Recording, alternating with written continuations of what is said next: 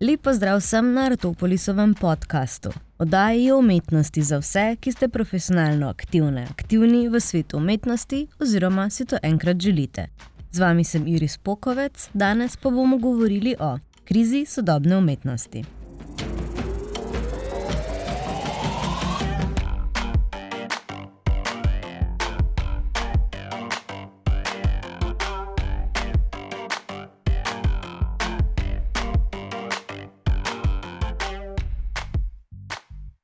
O krizi razstave, o katarzi, poistovetenju in prepoznavanju slik nadaljavo.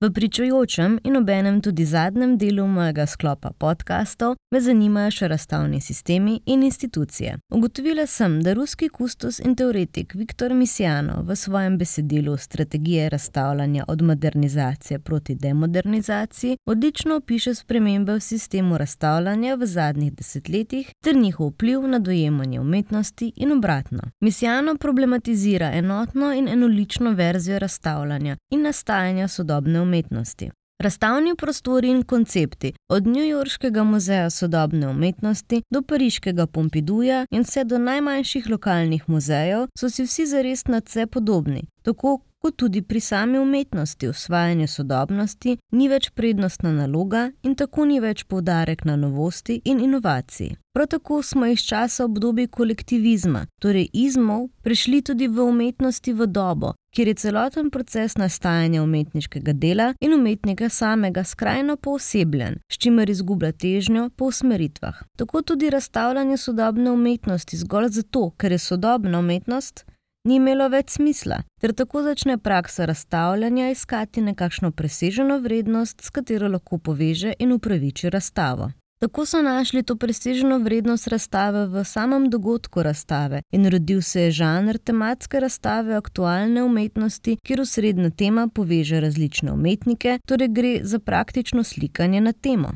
Tako danes na aktualnih razstavah sodelujejo umetniki različnih generacij in njihove udeležbe ne določa več njihov status, temveč to, kako ustrezajo temi, konceptu in kako so oglašeni s preostalim zborom udeležencev. Vrednost razstave ni v somišljeništvu avtorjev in njihovih težnjah po sodobnosti, marveč nasprotno, v tem, kako se ujemata njihova individualna neponovljivost in medsebojna polarnost. Razstava se mora ravnati po nekem vnaprej določenem sorazmerju zastopanja, etičnega, regionalnega, spolnega in tako naprej. In res, če v sklopu sodobne razstave niso dovolj zastopane umetnice ali umetniki, pripadniki manj pomembnih velikih narodov, je to razumljeno kot politična odločitev. Ustrezno sodobne razstave dimenzij tukaj in zdaj in njena najbolj nazorna presežna vrednost pripeljeta do tega, da razstava postane skrajno efemeren dogodek. Konceptualna razstava je odslej sestavljena iz instalacij, se pravi izdelkov, ki so narejene posebej za to razstavo in prenehajo obstajati, ko je razstave konec. Ideja o umetniškem delu kot modernizacijskem modelu, ki ima zgodovinsko vrednost in zato tudi stacionarno predmetno obliko, nadomesti ideja o ustvarjalni potezi, ki pa zaznamuje le enkratnost sedanjega trenutka. Prav tako se v 80-ih letih prejšnjega stoletja začne pojavljati lik kuratorja, ki celotno razstavo pripelje na raven umetniškega procesa in tako novejše razstave dojemamo in opisujemo s kuratorjevo osebnostjo in okusom ter avtorskim konceptom. Če smo v prejšnjem podkastu o umetniškem trgu ugotovili, da smo umetniki le blago za menjavo, smo sedaj ugotovili, da smo tudi izven domen in dometa trga povsem enako obravnavani kot objekti. Tokrat s svojimi deli reprezentiramo majhne figurice, ki jih novo nastali lik kuratorja v svoji virtuoznosti in svojim enkratnim konceptom razporedi po prostoru. Za spremembe v načinu, kako gledalec vidi in dojema razstavo, in s tem tudi umetnost v času, se mi zdi smiselno razlikovati razstave po kategorijah.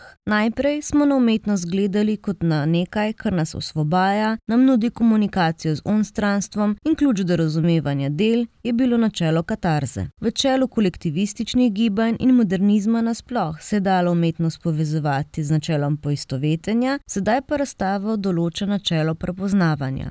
V času kolektivističnih gibanj in modernizma nasploh se je dalo umetnost povezovati z načelom poistovetenja, sedaj pa razstavo določa načelo prepoznavanja. Z njo gledalce lovijo na veselje, ki ga dobi s tem, da prepozna znanega umetnika, ter to znanje uporabi za ključ razumevanja ostalih razstavljenih del v prostoru. Da lahko tak način branja razstave funkcionira, pa je seveda tako treba zasnovati tudi razstavo.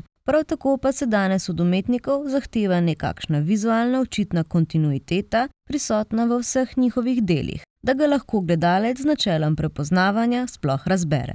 Prav tako je več kot očitno, da danes na takšnih razstavah lahko aktivno sodeluje in od njih karkoli odnese samo gledalec s predznanjem. Načelo prepoznavanja pa je zelo pomembno še zaradi enega razloga. V današnjem času na otvoritve razstav skoraj da ne hodimo zato, da bi videli razstavljena dela, temveč zato, da bi videli drug drugega in temu primerno razstave začnejo postajati dogodki. Tako se umetnost začne povezovati s turizmom in razstave postajajo atrakcije, organizirane v novo strukturiranem urbanem okolju. In dogodke kot takšne je v današnjem času treba tudi temu primerno medijsko oglaševati s fotografijami in objavami na socialnih omrežjih, ki so dostopna vsakomur in vse povsod. Tako lahko uporabimo naše načelo prepoznavanja kar nadaljavo. Na podlagi danega gradiva lahko razberemo, kdo so razstavljalci in kdo je kurator, in iz tega asociativno povežemo, kakšna je bila videti razstava, in tako praktično ne zamudimo ničesar, če tudi si dela nismo gledali v živo.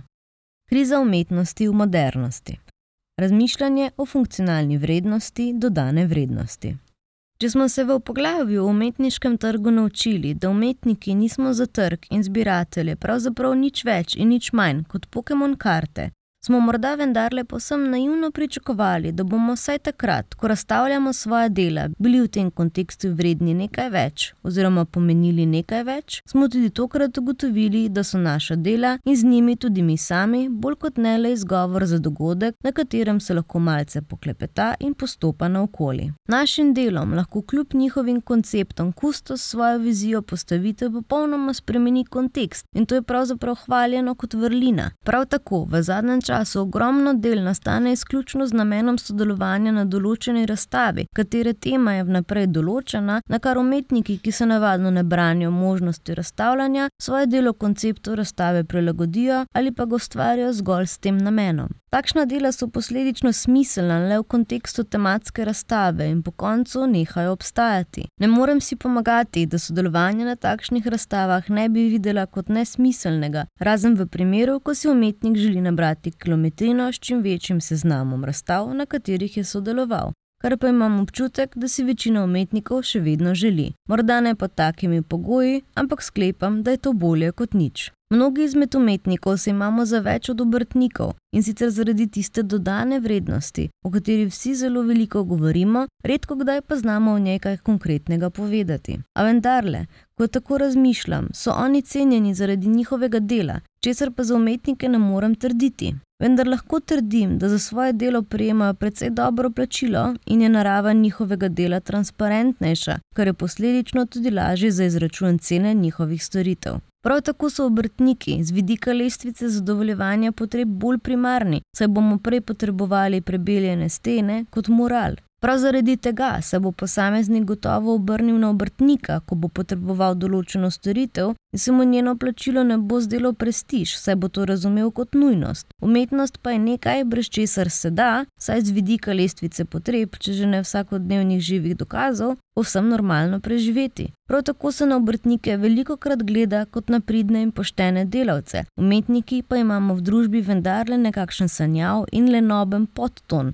kar sicer pripisujem problematiki in vrednotenju umetniškega dela, saj umetnik ne dela po urniku, temveč je linija med njegovim delom in osebnim življenjem pogosto popolnoma zabrisana. Razmišljam, če smo na trgu in prav tako tudi na umetniškem trgu Pokémoni, če smo v galerijskih sistemih sestavina za potico kustosa, če smo za ljudstvo lenuhi in sanjači, ki naj bi znali lepo risati in se naše delo ceni najverjetneje šele oziroma takrat, kadar je kako drugače povezano z nacionalnim ponosom, torej spet ne zaradi nas ali našega dela, temveč zaradi čustev, ki jih začutijo kar naj bi se sicer štelo med kvalitete dobrega dela, a se tega navadno ne poveže za res, kdo nas pravzaprav sploh še ceni. V mislih se mi pojavi odgovor, in kakorkoli ga želimo tišati ali spremeniti, imam občutek, da umetnike cenimo samo umetniki. Pa še to ne vseh. Na koncu se vendarle vprašam, zakaj potem sploh še smo umetniki? Zakaj ne nehamo in počnemo kaj preprosto preprostejšega? Očitno vendarle velja, če si umetnik, boš ustvarjal, ne glede na vse. Hvala za poslušanje, z vami sem bila Iris Pokovec.